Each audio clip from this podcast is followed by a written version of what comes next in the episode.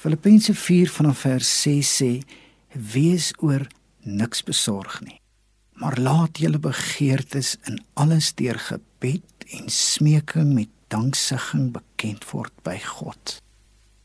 Vele mense is vandag besorg.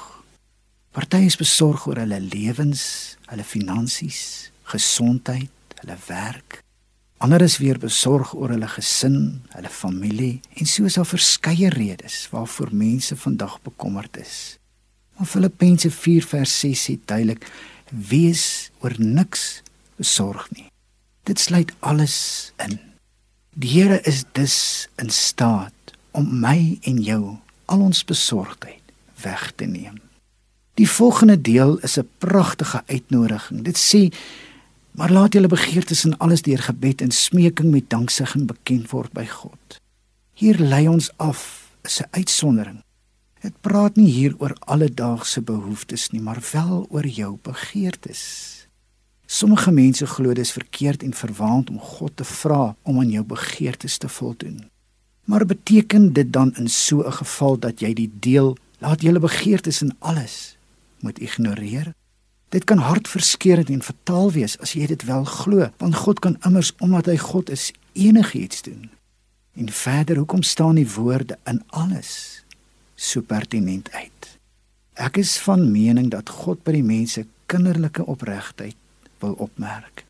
Hy wil hê dat mense hom onvoorwaardelik sal vertrou dat alle dinge wel moontlik is vir die wat glo. Ek is bewus dat daar mense is wat teleurgesteld is omdat God nie vir hulle die begeertes van hulle hart laat waar word het nie. Maar daar is tog 'n bekende spreekwoord wat lui: Moenie die baba saam met die badwater weggooi nie. God het sy redes waarom jou begeertes nie altyd vervulling gekom het nie en daarbey moet 'n mens berus Maar dit beteken nie hou op om hom te vertrou vir die onmoontlike nie.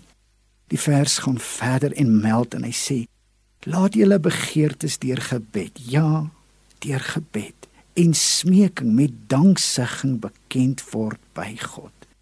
Ja, laat dit jou nie dink aan hierdie kind wat ernstig sy ouer nader en later word dit 'n smeking, maar later word dit ook 'n danksegging.